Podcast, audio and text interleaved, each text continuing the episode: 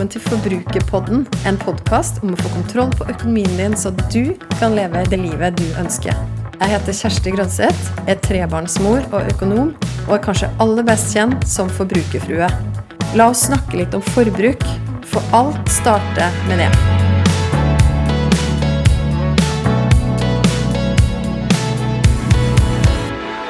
Den uka her var det premiere på ny sesong av Luksusfellen. Jeg vet ikke med deg, men jeg merker med meg sjøl hvor lett det er å sitte og se på og tenke at det her kunne aldri vært meg. Det er jo også de mest ekstreme tilfellene, så det er naturlig at vi ser på det mest som underholdning, og ikke noe som kunne skjedd i min egen økonomi. Men i dag så har jeg lyst til å snakke om hvordan veldig mange av oss egentlig går rundt og tar valg som er dårlige for oss sjøl i hverdagen. Det er ikke nødvendigvis like ekstremt, nei, men det skal ikke så mange dårlige valg til før det påvirker humøret og nattesøvn. Min gjest i studio i dag er en person som er veldig tett på de her problemstillingene, og hun har alltid veldig mange kloke tanker å dele. Hun har vært her før, og flere av dere har faktisk ønska å høre mer fra henne. Jeg snakker selvfølgelig om Lene Drange, eller Snaponomi-Lene, eller Luksusfellen-Lene. Velkommen hit. Du, tusen takk. Så fint å ha deg her. Du, det er kjekt å være tilbake. Ja, og øh, hvordan kjennes det å være i gang med ny sesong? Du, det er alltid stas. Eh, eh, nå hadde vi premiere i går. Vi hadde premierefest. Veldig koronavennlig i kantinen. Litt lavterskel der. Eh, men det er alltid deilig, for det er stas. Vi er jo stolt av det vi gjør. Jeg syns det blir gode program. Jeg syns det er veldig fint å få frem de historiene, men òg at det går an å løse det og komme ut av det. Altså Du erkjenner at du har et problem, ber om hjelp, får hjelp. Og så er det en sånn lykkelig, lykkelig historie, så det er jeg stolt av. Ja, for det er litt sånn happy endings. Det er kanskje derfor jeg liker det programmet så godt når jeg tenker meg om. Ja. Ja, ja, det er jo litt det. Og så tror jeg man kan, selv om det er ekstremtilfeller, men så kan du liksom relatere litt til sånne småting. At det er kanskje godt med Pepsi Max eller Kaffe to go eller Altså det er jo lett å bruke mye penger, da. Mm. Og det er behagelig. Ikke sant? Mm. Det er behagelig å bruke mye penger. Ja. Pepsi Max det er litt sånn fascinerende, for det er sånn som dere ofte trekker fram, at det er en gjenganger. Ja, men det er jo et kjennetegn. Altså sånn, Hvis du er veldig glad i Pepsi Max, liker kanskje ikke kaffe, ta litt lettvinte løsninger og eh, ganske ofte ha litt angst når du trekker kort i matbutikken, da er det litt sånn et tegn på at da eh, bør du vurdere luksusfellen. ja, men hva skjer med at For jeg er veldig glad i Pepsi Max sjøl, og hva skjer med at det alltid er på tilbud? Sånn er det seks stykk for 109 pluss pant, eller noe sånt. ja, men det er jo sånn, Vi hadde et regnestykke på eller bare på hvor mye Pepsi Max man drakk, og det var helt sånn vanvittig mye. Det var som hvis du, eh, Hvor mye som ble solgt av Pepsi Max i Norge i løpet av et år, så drakk man nesten en halvliter Altså alle drakk en halvliter hver. Det var et eller annet sånn, Nå husker ikke jeg alle detaljene, men det var sånn helt ekstremt. Det er helt vilt. Ja, og da er jo våre deltakere drar jo opp snittet godt, da. Ja, ikke sant. Men, det er veldig fascinerende. Men, men sånn gjennom en sånn sesong, da, hva er det som gjør mest inntrykk på deg? Det er jo mange triste skjebner. og det er jo mange historier som er ganske tøff uh, å få med seg, og man kommer ganske tett på. For det at man er jo hjemme hos i en uke, man blir godt kjent. Uh, og så har vi mye innhold i programmet, men man har også en del ting som man skjermer. da. Eh, og spesielt det med barn. Vi forteller ofte at de har barn, men vi har aldri med barn i programmet, og sånn skal det jo være. Men eh, det er jo utfordrende, eh, for man har et press derfra. Og så er det jo mye om oppvekst som er tøft.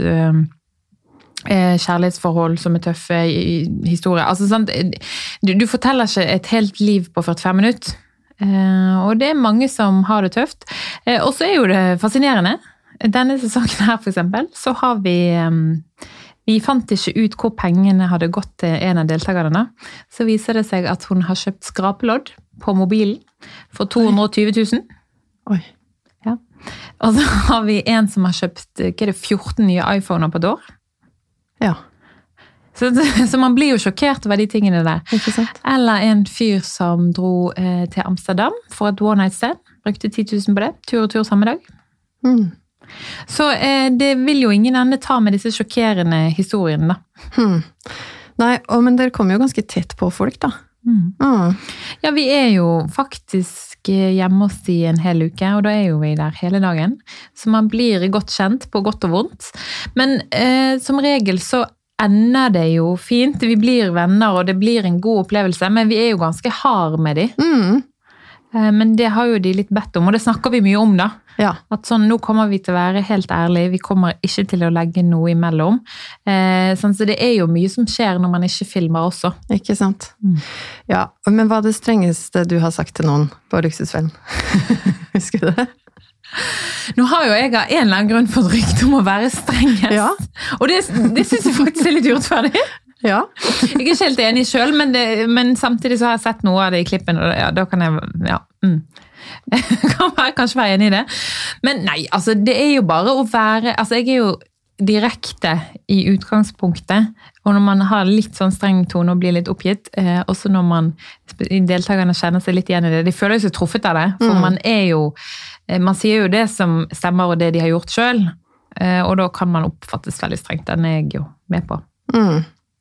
Og litt sånn, Jeg husker fra aller første sesongen jeg så på Luksusfellen, så er jo, og jeg tror i reklamen for årets sesong også, så, eller høstens sesong, så, så er det det her typiske at på en måte regningene bare, eller konvoluttene bare velter ut av skapet, eller man liksom, man slutter å åpne. Men eh, ja, og det kan man tenke sånn, å det er ekstremt å plutselig liksom ha et skap fullt av konvolutter. Men litt sånn inn på det med å kunne relatere til det her. For selv om det er ekstremt, så bare Jeg skal bare dele kjapt en episode fra mitt eget liv i sommer. Fordi at altså, jeg har jo eh, jobba ganske hardt for å på en måte sette opp min økonomi i et system og en struktur og alt det der. Det betyr annet at jeg har liksom alt på e-faktura og avtalegiro. Men så, rett før sommeren, så var det liksom Ja, det hadde skjedd masse ting. Vi var liksom travle. Og så hadde jeg annet glemt å avbestille en legetime.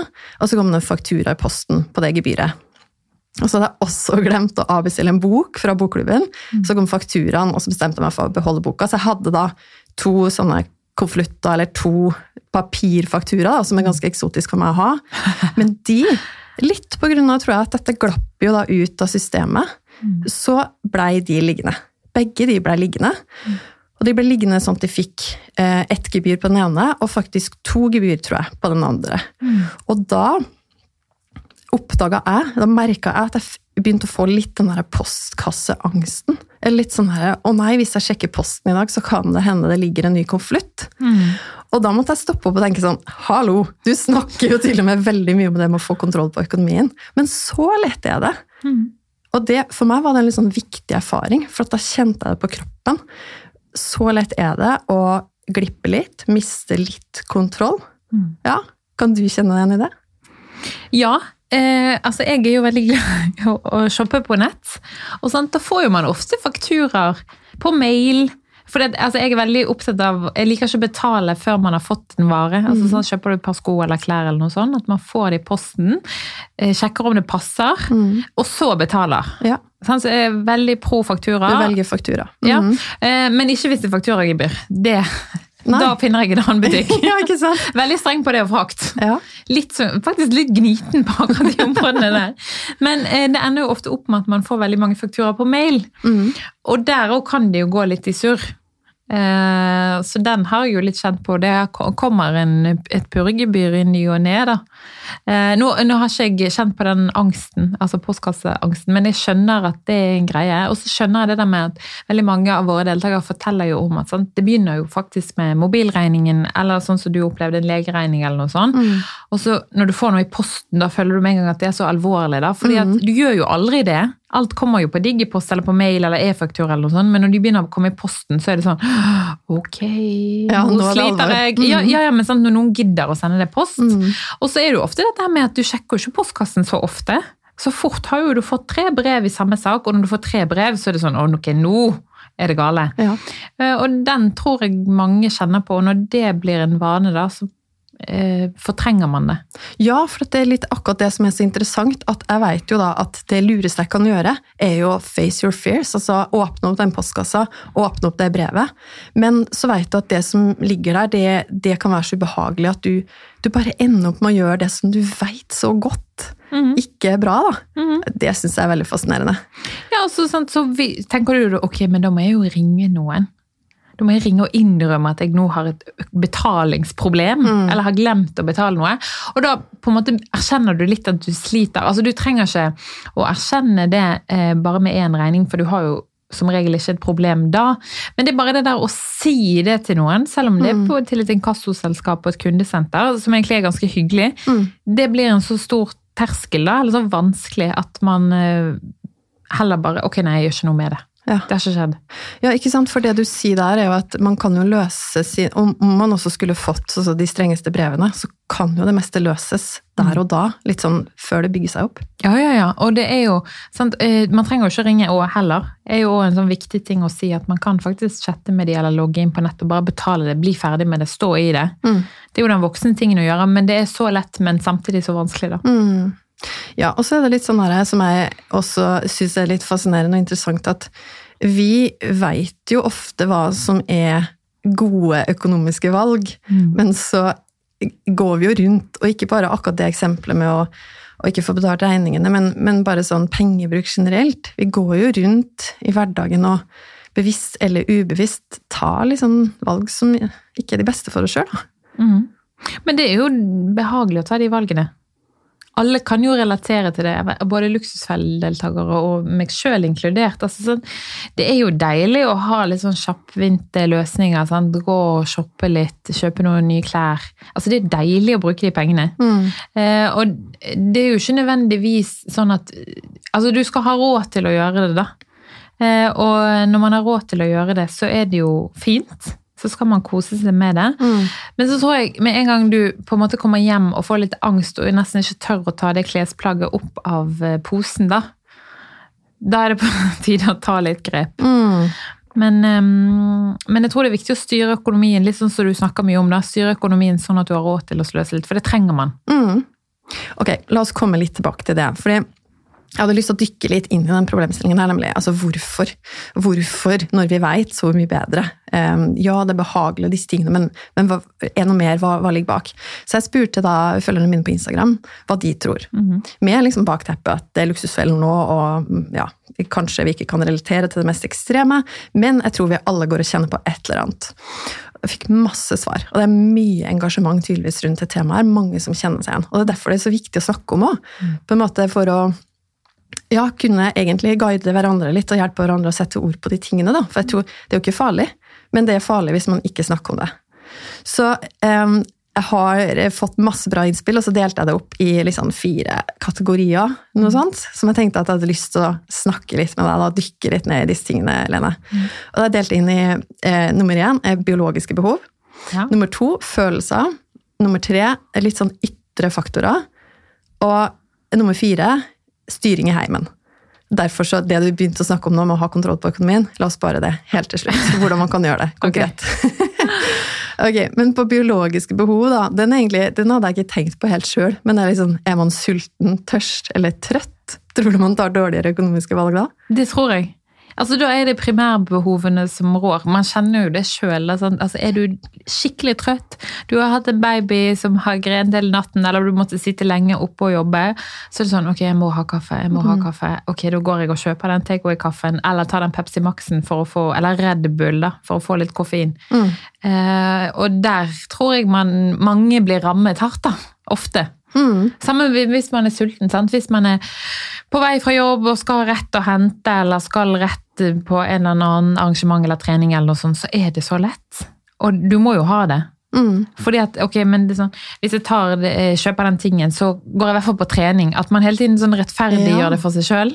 Det er interessant. Ja, ja, men Og, man og den, der, den er jo klassisk, den derre Åh, det her Jeg er så trøtt, så jeg bare må eh, må ha den kaffen. Ja, ja, Eller må ha den oppkvikkeren, på en måte. Ja. Og vi lager jo alle grunner for oss sjøl. Ja, men det er jo sånn. Og så litt sånn, ja, men nå er jeg jo flink, sant? går på tidlig på jobb, eller går på trening, eller liksom står i det. Da fortjener jeg det litt, da. ja. Så kjenner man seg ekstra trøtt og ekstra lyst på kaffe. Ja, ikke sant? Og så Mm. blir det på en måte ekstra Ja, ikke sant? Man kan rettferdiggjøre det overfor seg sjøl. Mm. Og det her henger jo veldig tett sammen med liksom neste kategori, for jeg, jeg vet ikke om det er så mye mer å si om biologisk behov. Jeg tror jeg, tror jeg oppsummerte ganske greit der med sulten, tørst eller trøtt. Mm. Eh, Men følelser, altså come on. Det er jo disse tingene, du er jo inne på det, fordi vi fortjener det. Ja, ja, ja. Men det som faktisk folk eh, sier til meg nå, da, da jeg stilte det spørsmålet, det mange sa var at ok, men det handler både om å kjøpe ting når vi har det kjipt, og kjøpe ting når vi har det bra. Den syns jeg var litt interessant. Ja, men det er jo Det tror jeg er helt sant. Og jeg er jo helt enig sjøl. For sant, altså når du eh, Jeg er jo veldig pro det der med å Hvis det skjer noe bra, at man skal liksom feire litt. Altså Det trenger ikke være sånn storslagen feiring, men det er sånn, hvis et eller annet går bra på jobben, eh, eller sånn, så er det sånn Ok, men da tar jeg en kaffe og liksom feirer det. Da er det liksom en begivenhet. da. Samme som hvis man på en måte er med en venninne, og det har skjedd et eller annet bra, så sånn, ok, men da feirer vi spiser lunsj, eller vi feirer, vi koser oss. Eller eh, du har fått Altså, ja, ja, jeg er pro feiring, egentlig. Veldig pro feiring. Eh, men det, det er jo begrenset hvor mye man trenger å feire. Mm. Men da er det jo også litt sånn Du er i bra humør, impulskontroll tar kanskje litt overhånd, og så er det lett for å feire litt for mye, da. Og den. Ja, og i hvert fall hvis det blir veldig ofte hvis på en måte de anledningene blir veldig små, og at man da finner veldig mange gode unnskyldninger for å feire. Sånn at til slutt så har man kanskje glemt litt hva man faktisk feira, men det har blitt en vane. Ja, og sånt, og jeg, Det er jo lurt å glede seg til ting. Mm. Eh, at uh, ikke hver dag er en fest Altså, det hørtes jo litt depressivt ut, men Hver dag er en fest. Ja, hver dag er en fest, men eh, du trenger ikke å dra kortet for å feire hver dag. Nei. Men at man faktisk gleder seg litt da, og feirer litt større. Mm. Eh, for nå, vi har jo råd til, og vi har jo anledning til å gjøre det vi vil, og det blir fort veldig dyrt, da. Ja. Nei, men Jeg liker veldig godt det du sier der med, å, med også å glede seg litt, og kanskje spare opp litt til de spesielle anledningene. Jeg kom på nå at eh, jeg har en kompis som alltid har en sjampis eller en Prosecco eller noe i tilgjengelig. Kanskje i kjøleskapet. Eller, fordi han, og hans begrunnelse for det er at eh, i tilfelle det kommer en sånn anledning der han virkelig skal feire, men da er det jo planlagt. Ja. Da har han jo faktisk planlagt det inn også i budsjettet og gått til innkjøp av dette og har det klart. Så da blir det jo ikke impulsivt.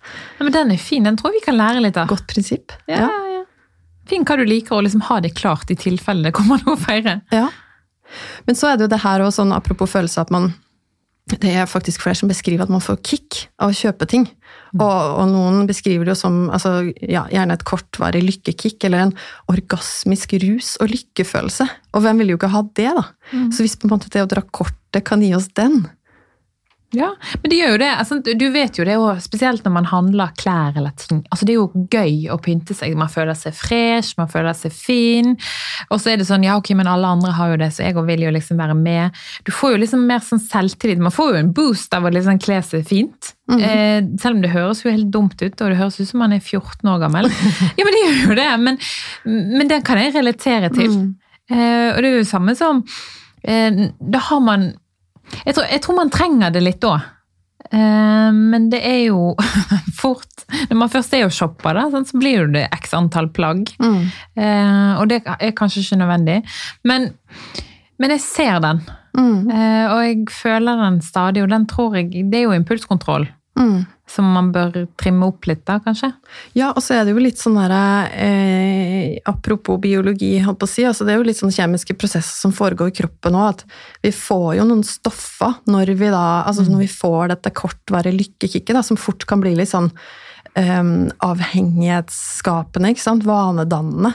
Og så tenker man åh, men når var jeg glad sist? Ja, men det var jo faktisk da jeg var på den storshoppingen. Ja, men det har jeg jo lyst til å føle igjen. Mm. Og så i mangel på noe annet, kanskje, da, som skal fylle det, eller gi den samme følelsen, så stikker man ut, og så, ja, så blir det en vane. Mm. Ja, det er kanskje da det går litt over styr, da. Ja. Ja, ja, det er jo det. Når, du får, når det er det du jager. Da. Men da tror jeg du må, du må gå litt i deg sjøl og trimme litt den følelsen. Eller prøve å finne den på andre måter også. Mm. Det er jo ikke det at man skal slutte og aldri skal shoppe, men litt sånn få litt mer kontroll på det. Men det er jo det samme som man ser sjøl hvis man går med en venninne og shopper. Og så spiser man lunsj. og så, altså Det blir jo veldig hyggelig, og man vil jo ha den hyggen. Men jeg tror veldig mange, altså meg sjøl, og det er sånn hver gang man skal gjøre noe, så koster det penger. Altså Hvis man skal møte en venninne, eller noe, så skal man ut og spise, ut og ta en kaffe, ut og spise lunsj. ut og, At man kan bare tenke litt annerledes òg. Mm. At man kan heller komme seg ut, da, eller dra på stranden, eller gå en tur. Eller, altså sånn. Det er så mye annet man kan gjøre som egentlig er vel så hyggelig. Mm. Men Det man må, det bare handler om vaner. Da. Det er det vi pleier å gjøre, det er det vi alltid har gjort. Mm. Så hvorfor ikke fortsette? Ikke sant? Men kanskje ja, sette seg ned og, lage en slags, sånn, gjøre en slags idémyldring på hva man kan gjøre i stedet. Ja, det er det samme med kidsa. sant? Mm. Og så bare sånn, ok, hva skal vi gjøre? Bare, bare tenke seg litt om, så det er jo like hyggelig. Mm.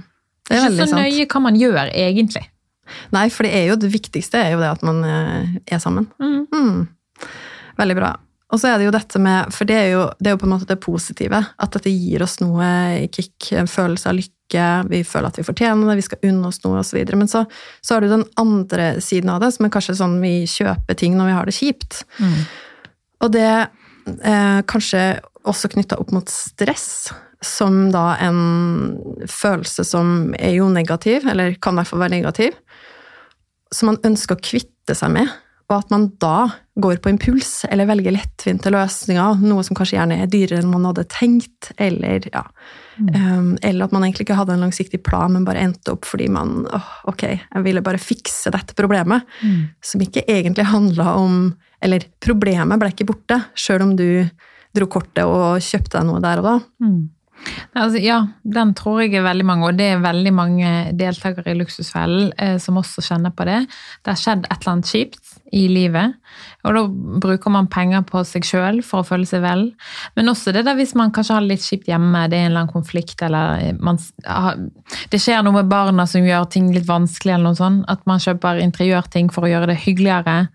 Eh, og man tror man løser litt problemet med å bruke penger på å kjøpe ting, da, uten å egentlig ta tak i det ordentlige problemet. Eh, og den tror jeg er veldig farlig, for man er ikke helt bevisst, eller man vil ikke være helt bevisst på hva man gjør, da. Nei, og litt sånn terapishopping og trøste...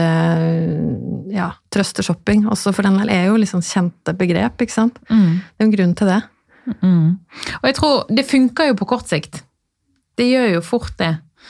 Men eh, man burde jo Men altså, det er jo vanskelig å ta tak i det ordentlige problemet hvis man ikke vil.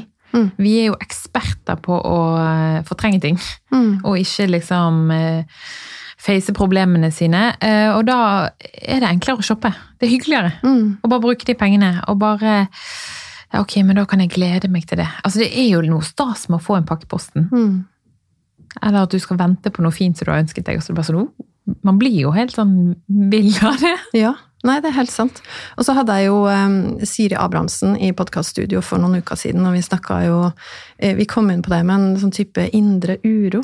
Mm. Og at vi da, det er typisk oss også, um, at vi lapper på den, da. Vi kjenner kanskje på en sånn gnagende uro som er, kan ha mange årsaker, den, altså. Men så pusser vi opp, og så shopper vi, og så gjør vi alle disse tingene som kanskje lapper på mer enn at det Ja. Eh, At vi, hennes råd er jo på en måte bare det å stoppe opp og egentlig bli liksom omfavne, da, og bli kjent med seg selv og gå litt inn i seg selv. Og, Mm. og, og tørre å stoppe opp litt. Og det, det syns jeg var så utrolig godt råd. For da, den indre uroen er jo ikke egentlig noe farlig heller. Nei, det tror jeg òg er veldig sant. Og så er det jo litt det der med at når man prøver å være flink, hvis du har, føler det er litt sånn kjip og ting er litt vanskelig, og sånn, og så går du inn og shopper og ser på noen fine ting, så er jo vi òg et offer for markedsføring. Mm. Fordi at den buksen eller den vasen eller den duppeditten får jo du opp på Insta, på Face, på Snap. På, den følger jo deg overalt. Og det tror jeg ikke man er helt bevisst på heller, det markedsføringspresset som er. Eh, og til slutt så er det sånn Hvis du var flink i sted, da, og så når du går og legger deg og bare sjekker mobilen og liksom trykker litt, så er det sånn Ja, ok, fuck it, jeg tar den. Jeg Ja. kjøper det. Ja, At man ikke er helt bevisst Det må man være litt bevisst på. For den dukker dukka opp i feeden, på en måte. Ja, Ja. Den, den, den forfølger jo deg helt til du har kjøpt den, egentlig. Du, det her var en utrolig fin bro til neste punkt, som da er Oi. ytre faktorer. Ja. For det, det handler om akkurat det. Ja. For at det er det, det er det folk som sier når de skal svare på hvorfor tar vi dårlige valg. Jo, det handler om et press. Det handler om at man gjerne veit at man er svak for noe. Det var jeg som sa at du typisk var svak for sånn barneklær og utstyr, og gjerne bruker penger på det. Og så hvis man er på Instagram eller i sosiale medier generelt, så følger man jo kanskje folk som eh, ja, inspirerer en på det området og sånn. Men så, er- så er det jo mange som er sponsa med fine produkt og flotte ting. Og så sa hun til meg at vet du hva, da er det så lett å bli påvirka. Så det er egentlig akkurat det du beskriver nå, da. Mm. Liksom det, det ytre presset. Og det Ja, nei, jeg tenker det er så viktig å snakke om òg. Mm. For at det er jo der. Og det Jeg syns jo mange som, som reklamerer for produkt, forklarer det på en fin måte, altså hvorfor de kan stå inne for, for å reklamere for disse produktene. Mm. Men så sitter jo vi andre og ser på og faktisk blir påvirka. Ja, ja, ja. Ja, Mm. det skal jo ingenting til for å bli påvirket. Um, så det er jo et problem, og der tror jeg også hvis man tenker seg om, så vet jo man altså Det er jo en grunn for at de reklamerer, det er jo noe som vil selge et produkt. Og de i mellomleddet tjener jo også litt penger på det. Sånn er det jo. Eh, og da tror jeg det er veldig lett å bli påvirket. Man vet man blir påvirket når man tenker seg om, og så likevel gjør man det, da. Mm. Og det å, tror jeg, Man må bare sette seg ned og tenke litt gjennom det, da. Mm. Og så tror jeg også eh, at det er jo et sosialt press om å gjøre ting. Spesielt på sosiale medier. da. Mm. Ikke at det bare er reklame, men også det sant, man drar på sånn fornøyelsesparker på tivoli, man drar på konsert, man er ute og spiser, man drar på ferie. Man, alle disse tingene. Vi presser jo hverandre til et sånn ekstremt forbruk. da. Mm. Som, nå er det jo for så vidt flere og flere som er veldig flinke til å eh, komme med tips om hvordan man kan gjøre ting billig, og hvordan man kan Alternative måter å leve på. Men jeg tror fremdeles at det der presset med det perfekte A4-livet eh, med små barn og kjæresteturer og alt mulig, det, man blir ekstremt påvirket av det. Mm. Ja, og det skal jo ikke mer til enn en dårlig dag, og det går inn i feeden. Og altså, det er jeg skyldig i sjøl. Mm. Den sammenligningen med andre, Mm. og hvor fort jeg da kan føle Og, og det er gjerne sånn hvis jeg er på minussida fra før, og så da noe, et eller annet tilfeldig dukker opp i feeden min, så kan jeg jo føle meg dass. Sjøl om jeg Altså, det har jo ingenting med grunn til at jeg følte meg dårlig i utgangspunktet, men det bare blir enda verre. Og så kan jeg jo eh, bare drømme meg bort til noen annen sitt liv, eller altså hva som helst, og Ja, ja. tenke at Um, altså, hvis det da fører til at jeg får lyst til å bli som de, da, og får lyst til å kjøre den bilen de kjører fordi at jeg tror at det skal gjøre meg så veldig mye lykkeligere, Mm. da kan jo det påvirke lommeboka på en litt uheldig måte. Ja, ja.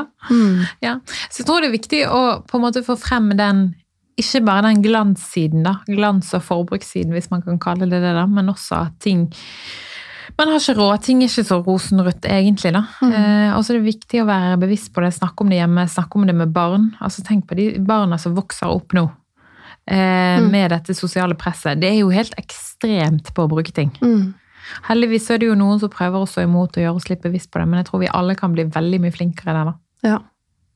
Ja, det er, jo, det er jo et stort samfunnsproblem, vil jeg si. Når så mange, altså både sånn de som vokser opp, og du er jo i kontakt med veldig mange unge, men også når dette sprer seg altså, Det er jo ikke fjernt fra type oss Jeg, jeg tenker på meg sjøl som liksom foreldregenerasjon nå, eller jeg har i hvert fall små barn som vokser opp og Ja, eh, la, la oss kalle oss foreldregenerasjon, eh, er jo absolutt også påvirka dette. Og jeg husker du skrev noe som gjorde så inntrykk på meg, for du hadde vært i kontakt med noen som egentlig ikke hadde råd til å gi barna sine arv. Eller det var noe, et eller annet med å kjøpe bolig eller noe sånt, men Ja. så tok de opp forbrukslån som en type forskudd på arv. Eh, og det gjorde veldig inntrykk på meg. Det, og det sier man om at vi, vi som voksenpersoner da, også har noen sånne usikkerheter, kanskje, som bare gjør at vi, vi tør ikke å være helt ærlige med der vi står i vårt eget liv. Og har lyst til altså Kanskje vi ender opp med å fake det litt. Fordi at vi, ikke bare de unge, men altså vi også opptatt av hvordan andre ser på oss. da. Mm. Og da er det litt sånn, hvis ikke du klarer å være ærlig med deg sjøl, din partner og dine barn, hvordan skal du da forvente at de lærer noe? Mm. Sånn, for det, det som jeg har eh, eh, snakket litt med om, eh, og i for så vidt i Luksusfellen, men i forbindelse med litt sånn økonomiopplæring og sånn, så er det sånn, ok, hvis voksne skal lære barn om økonomi, så må du jo nå ta de med deg inn i nettbanken. Mm. Tør du å ta med dine egne barn inn i din nettbank? Har du noen gang gjort det? Har jeg det? Det må jeg tenke meg om. Ja, det har jeg faktisk. Ja. Ja, det har jeg. Så bra. Jeg har en sønn på sju år som er veldig opptatt av Han spør stadig hvor, hvor mye penger har jeg. Han vet at jeg sparer litt. Grann. Han spør hvor mye penger er i banken. Så sier jeg at du har, et, eh, du har en aksjesparekonto som heter Dine bursdagspenger. Ja. Og den, eh, den, kan du, den har jeg ikke vist han, faktisk. Men det er jo litt Ja. Hm, det er et veldig godt spørsmål. Tør man det? For da får jo de sånn sannheten om oss. Ja, og det, det er ikke for å liksom skremme barn, altså for å liksom sånn Å, vi har så ting koster penger, og sånn at de skal bli nervøse. Altså man skal selvfølgelig ta det på liksom barna sitt nivå, eh, men litt det der med at sånn Ok, dette er sånn økonomien er. Mm. Vi går på jobb for å tjene penger, vi betaler for bolig, vi betaler for mat. Altså Man tar det på lavterskel. Også det er sånn, sånn er livet. Ja, vi har ikke råd til å liksom kjøpe en karusell og hest, liksom. Men eh, vi har råd til sånn og sånn, og vi sparer og gode økonomiske handlinger. Men jeg har snakket med ekstremt mange foreldre nå i det siste som er helt sånn Det er helt uaktuelt å ta en annen person, ikke min partner, ikke mine barn engang, inn i egen nettbank. Ja, er det sant? Ja. Og det syns jeg er litt rart, men samtidig så kan jeg forstå det, for folk syns det er så privat, da. Mm. At da fordi man liksom kler seg naken når man viser Mm. noen nettbanken, men jeg, jeg tror Du kan ikke forvente å få gode Altså barn med gode økonomiske holdninger hvis ikke du tør å være et godt forbilde, da. Mm. Hm. Det her er utrolig interessant, og det er så konkret og praktisk. Og det er litt sånn testen, kanskje. Tør jeg, altså mange har jo sånn nettbankangst også, ikke sant? og Mm. tør nesten ikke å sjekke den sjøl. Så første steg sånn, tør jeg det? Og så neste steg, kan jeg dele det med partneren min? Jeg mener jo det er et veldig pluss da, i et forhold, at man kan, eh, og i hvert fall hvis man er gift og gjerne samboer, også ha type fellesøkonomi, eller i hvert fall åpenhet om økonomien. da. Finne gode måter å, å snakke sammen på. Eh, men å ta med barna i nettbanken, den er også veldig fin. Fordi de skjønner jo ikke hva penger er. Vi har jo ikke penger, vi har jo ikke cash. Ja, av og til, da, men eh, Jo, jo, men du må jo lære de om økonomi sånn som økonomi er i dag. mm? Altså, det er mer abstrakt. Det er ikke sånn at du får lønn i kontant. Det er for så vidt veldig lenge siden, da, men, men det, det, er ikke, det er ikke kroner og mynt lenger. Det er liksom et tall i nettbanken, Mm. og eh, skal de bli gode, så må du lære de det der. Mm. Sånn, Altså, det er jo det samme som denne testen med tør du å ta frem en sabbakontrakt til din partner. mm, Det er jo mange som syns det er for helt bakoversveis av det, og bare sånn herregud, vi skal jo ikke slå opp nå. mm, Eh, Men sant, altså en sabbakontrakt handler jo egentlig mer om å forebygge, altså om hvem som skal betale hva. Mm. Hvordan skal vi disponere inntekten, bare for å få snakket om det. Mm. Men også, ja, det ivaretar dine midler, eller din eh, side, sånn at det blir rettferdig ved et brudd, da. Mm. Men de to tingene der er sånn ultimate tester på sånn tør jeg Mm. dette, så har vi i hvert fall et åpent forhold. Mm. Det er veldig bra. Så da, det, la oss eh, Ja, det skal være vår oppfordring i dag. Gå inn i nettbanken og tør å dele din nettbank med partneren. Og hvis du har barn som er gamle nok til å forstå litt, og det kan man Jeg tror man kan være sånn ja, fem-seks år, kanskje, i hvert fall når man har begynt på skolen. Så skjønner man nettbank.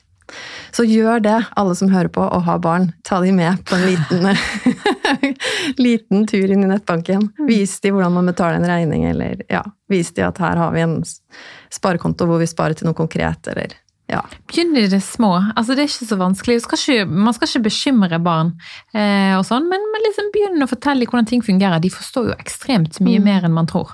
Og de er veldig nysgjerrige. Ja. Mm. Så du kan jo gjøre det litt gøy. Mm. Få de med på ting. Få de med til å spare til neste sommerferie, eller spare til ny bil, eller spare til en hamster. Altså, alle, for, det de ønsker seg, da. Mm. Og så kan du vise dem sånn, de har sin egen konto, så de kan bruke penger på å dra kortet. Men ja, familien vår har også en økonomi, og vi, sånn at de får de store linjene sånn litt etter litt. da. Og så gjør man kanskje økonomi til en god greie. Veldig bra. Og da tenker jeg at de har også så godt av akkurat det, for å komme litt inn på det med sparing, da. Altså det med å heller spare til ting man ønsker seg, heller enn å la seg friste der og da og tenke at man må ha det, man må ha det nå. Og, og gjerne også putte på et forbrukslån som kan hjelpe deg å finansiere litt større ting, ikke sant. Ja, ja. Men i stedet spare til ting og gjøre det konkret med familien. Mm. Jeg må si at Der tror jeg også at det handler om å man, man trenger Som voksen person så trenger man faktisk en trygghet der også. Man, man, trenger, man trenger på en måte eh, manne seg litt opp, kvinne seg litt opp, og så tenke at vet du hva, det her gjør vi, det her er jeg stolt av. Vi sparer til ting i vår familie. Og vi, og litt sånn som du sa, at man må vite hva man har råd til, og, hva, og, og, og man kan vinkle det litt positivt. og sånn. I vår familie så prioriterer vi det her. Det er ikke alt vi kan prioritere, det er ikke ubegrensa. Inni denne nettbanken så er det ikke sånn at pengene bare kommer. Det er begrensa med midler der, og vi prioriterer dette istedenfor det her. Mm. Og så at man blir litt sånn stolt. Jeg går på Ja. jobb, jeg tjener penger, Mm. eh, hvis det er det man gjør, og jeg er stolt av det. Og vi har dette huset, dette har vi jobbet for, dette har vi fått råd til, vi har spart over mange år. At man gjør det til en sånn eh, man må liksom se at glasset er halvfullt, ikke halvtomt. da. Altså det er ikke så, altså Ja, selvfølgelig, kanskje skulle man hatt større hjem, man skulle hatt hage, man skulle hatt alt mulig, skulle pusset opp og man skulle Men hvis man vinkler det mer positivt og bare bestemmer seg for det. Ja, vi har en flott leilighet, vi har klart dette, dette eier vi. Eller snart kan vi eie, nå har vi spart oss opp. Man må bli litt mer fornøyd. da. Alt er ikke så 'å, jeg skulle hatt, jeg skulle hatt', men du må være fornøyd med det man har. Det er viktig. Mm, så bra, Lene. Wow. Det her er gull. Og det her er jo også igjen da en fin bro over til neste punkt og siste punkt, for det er styring i heimen. Ja. Vi er jo litt inne på det nå, da. Altså helt konkret fra det med nettbanken og face den, og, og eh, vi har snakka om eh, e-faktura og eh, avtalegiro og gjerne ha en egen regningskonto og disse tingene. Um, men, men der også er det jo på en måte noen, noen feller, da, eller noen fallgruver. Og flere snakker om det med at du har kredittkort lett tilgjengelig. altså Det kan i seg sjøl være en faktor som gjør at man faktisk tar dårlige økonomiske valg. Hva tror du om det? Det tror jeg er helt rett. Det er jo sånn Du tenker sånn ja ja, men eh, jeg kan jo bare betale ned kredittkortet når jeg får lønn, eller så får jeg feriepenger snart, og så er sånn, ser man litt sånn lettvint på det. Og det funker jo stort sett greit.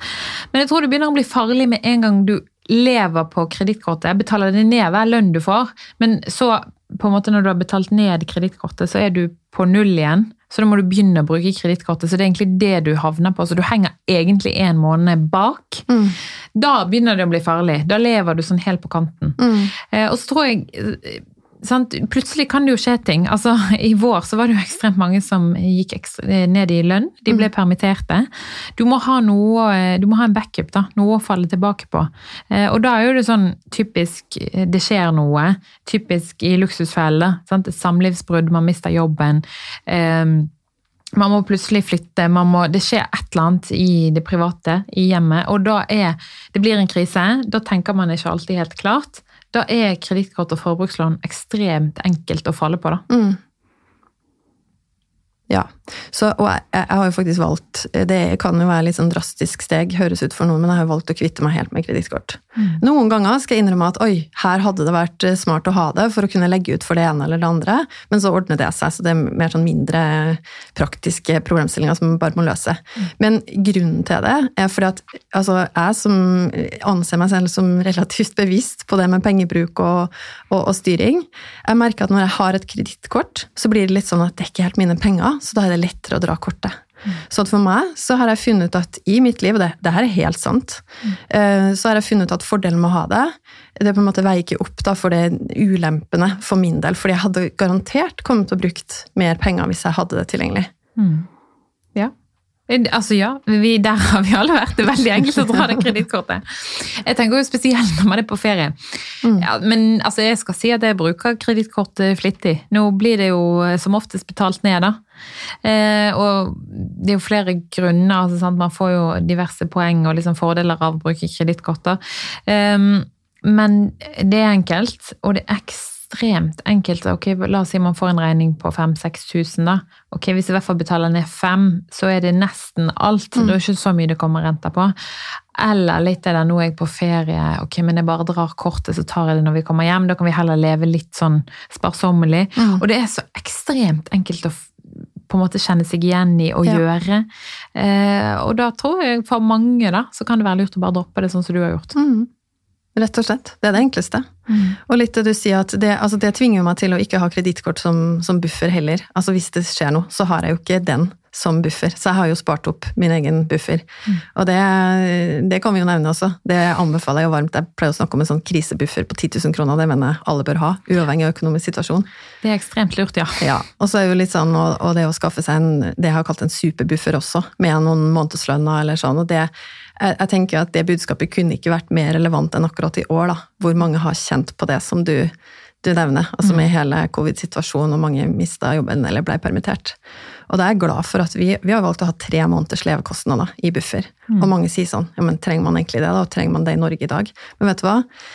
Det her skal jeg snakke om i en seinere episode, men det skjedde så mye. Altså, vi har hatt eh, kloakkskade der de avdekka en annen vannlekkasje. Altså, det var så mye styr. I høst, alt, nei, i vår. Alt skjedde i vår. Mm. Så den bufferen der, det er noe jeg har vært mest takknemlig for i år. Ja, men så tror du sover bedre om natten. Det høres helt absurd ut. Men når du vet at du kan betale, du er liksom klar for det som kommer, Mm. og det går bra, så sover du litt bedre om natten. Og så er det litt sånn åh, du bare senker skuldrene og bare ok, men jeg kommer i hvert fall gjennom det. Jeg får i hvert fall betalt. Mm. Så det er jo en sånn Man får en veldig god følelse av det. Det er jo det samme som med våre luksusfelledeltakere. Når de vet at ok, regningene kommer, jeg får betalt de. Ikke nok stress, jeg har penger på kontoen. Mm. Og så etter hvert, for vi følger jo ganske over lang tid, da. Eh, altså etter hvert når de får bygget seg opp en liksom buffer, det blir litt sånn stolt. Til og med de som bare Altså, det er så deilig. Jeg er ti kilo lettere. Det er bare sånn takk og lov Mm. for at jeg fikk denne hjelpen, og at jeg nå har blitt såpass flink, da. Ja. Ja, det er jo helt fantastisk, og det er da man sitter der med tårer i øynene. ikke sant? Og, det, og den stoltheten, som du sier. altså det, det her vet jeg, for det er så mange som har sagt til meg at wow, jeg klarte å spare opp 10 000 kroner i en buffer. Jeg er så stolt. Og så er det gjerne første steg, da. å, altså Det blir litt sånn med trening. At når du først har kommet i gang, eh, dørstokkmila er høy, eller lang, eller hvordan sier man det? Den er tøff, i hvert fall. Det uttrykket der kan jeg ikke helt. Nei, uansett, det er terskel å komme i gang, da. Og så eh, når du først har gjort det, så merker du at ok, men det her gjør jeg jo ikke nå bare fordi at det er bra for meg, men, men det føles jo bra også. Det føles bra å ha kontroll på økonomien. Det gjør det. Ja, ja, ja. Nei, altså, jeg er pro det. Ja. Man må teste. Ja, prøv det. Prøv det sjøl. Men hva, hva, hva tenker du at For det er jo ikke alle som på en måte havner på luksusfellen og, og, og får den hjelpa som dere fantastiske folka gir dem, da. Men Nei, nå må hva- ikke vi overdrive der, men ja, vi prøver i hvert fall. Dere prøver, dere er fantastiske. La oss bare ha det helt klart. Men eh, hva tenker du skal til for å rydde opp sjøl? Det er jo mange ulike måter å gjøre det på. Men det første man må gjøre, er jo at man må erkjenne at man har et problem. Mm. Og da må man erkjenne det overfor seg sjøl og sine nærmeste. Man må snakke om det. Eh, For da får du også reflektert litt sjøl over hva faktisk problemet er. Du må liksom begynne der, og så kan du sette deg ned og bare ok. Hvilke saker har jeg? Hva sliter jeg med? Er det kredittkort? Er det ubetalte regninger? Er det um, privatgjeld jeg har? Er det billån? Hva har jeg? Mm. Eh, sånn, så må du liksom sette deg ned på gamlemåten og lage en liste. Og da er det igjen sånn Å, det er så tiltak, jeg orker ikke. Uff, nei, da må jeg gå. For da ser du også problemet. Men du må faktisk gjøre det. Mm. Og så tror jeg det som er lurt, er at du må rydde unna all sånn smårusk. Sånn, betale ut alle små regninger som du henger etter med, om det er legeregninger eller mobilregninger. eller sånn. Og så må du, når du har gjort det, så må du klappe deg litt på skulderen Mm. og si sånn Ok, nå var jeg god. Ok, da er neste problem. Du må liksom Mm. begynne i det små. Og så kan du begynne med å eh, lage en nedbetalingsavtale på kredittkortene dine eller forbrukslånene dine. Så, men du må liksom rydde av veien, sånn at du har eh, små områder å konkretisere det for. For du kan ikke fikse alt på en gang. Mm. Det er det samme som vi gjør, du må liksom lage en plan. Og så handler det om det der om å ta kontakt med kreditorene dine. sant? Mm. Si at du nå begynner å rydde opp. Si at du Fortell om din situasjon, at du sliter. Så og så mye tjener du, du har så og så mye gjeld. Eh, kan jeg få litt lavere rente? Kan jeg få liksom tre måneder betalingsfri for jeg skal kvitte meg med noe som haster mer? Mm. Altså, man må bare face det. Og så er det ikke Altså, det er vanskelig å stå i det, men det er ikke så vanskelig å rydde opp hvis man først bare setter i gang. Mm. Men begynne i det små, og feire. Mm. Det likte jeg veldig godt. Mm.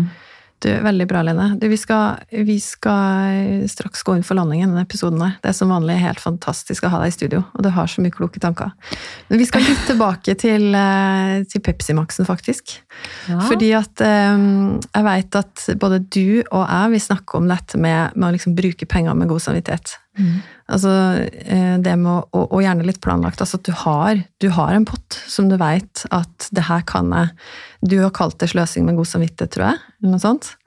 Kalkulert sløsing. Kalkulert sløsing, ja, ja, ja. kalkulert sløsing, der var det. Jeg visste det var noe smart. Men jeg har fått mye tilbakemeldinger på at det var litt De var ikke helt fornøyd med for ordbruken.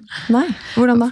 Nei, fordi at dette har til og med snakket med Hallgeir, eh, kollega i Luksusfellen. Han mener at sløsing han mener det at det er et litt sånn ugreit ord. da. Ja, Fordi at det er ikke sløsing når man har råd til det. nei. Har dere lyst på mitt ord i stedet, da? Ja. Nyte.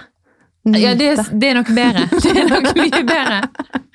Yes, der fikk jeg solgt inn det Ja. til, til uh, mine to forbilder her i Luksusfellen.